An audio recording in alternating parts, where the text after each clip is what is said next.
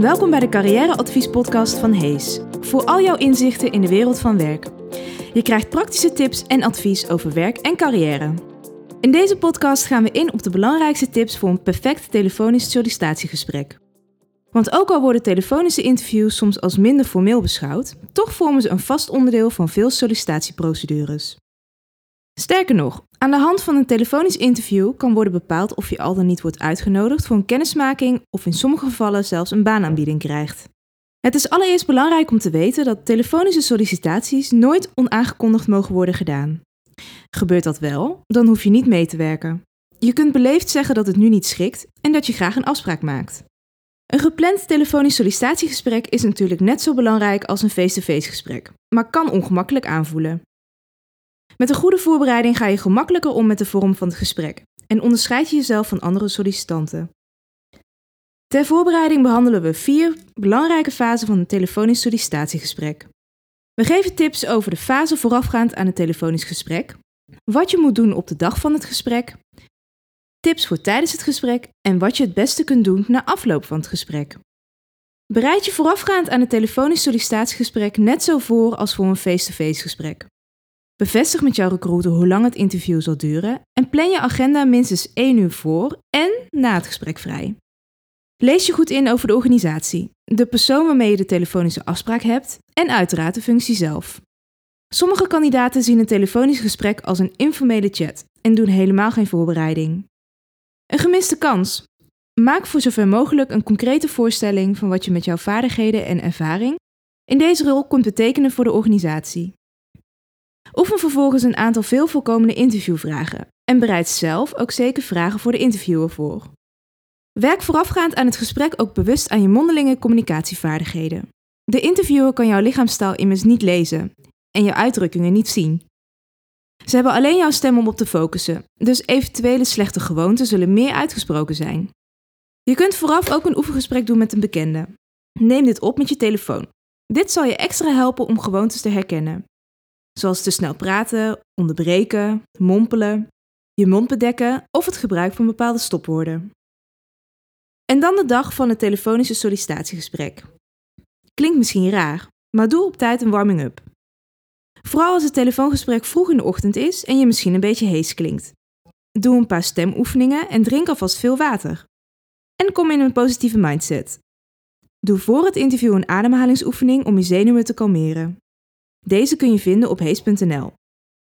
En geef jezelf een pep talk. Herinner jezelf daarbij aan al jouw prestaties tot nu toe. Wij raden je ook aan om positieve resultaten te visualiseren, zoals de baan aangeboden krijgen. Dit herinnert je aan jouw einddoel en motiveert je om tijdens het telefoongesprek jouw beste prestaties te leveren.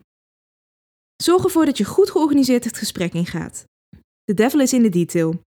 Controleren of je een telefoonsignaal hebt, een volle batterij, of je de manager en een naam en het nummer van de recruiters op je telefoon hebt opgeslagen. Zorg ervoor dat je duidelijk weet wie wie belt en wanneer. Wees 15 minuten van tevoren klaar voor de oproep en zorg ervoor dat je in een stille ruimte bent waar je vrijuit kunt praten. Mocht je op het werk zijn, ga dan even naar een andere, meer geschikte plaats. Als je thuis bent, zet de tv en radio uit en laat iedereen in huis weten dat ze jou op het volgende uur niet kunnen storen.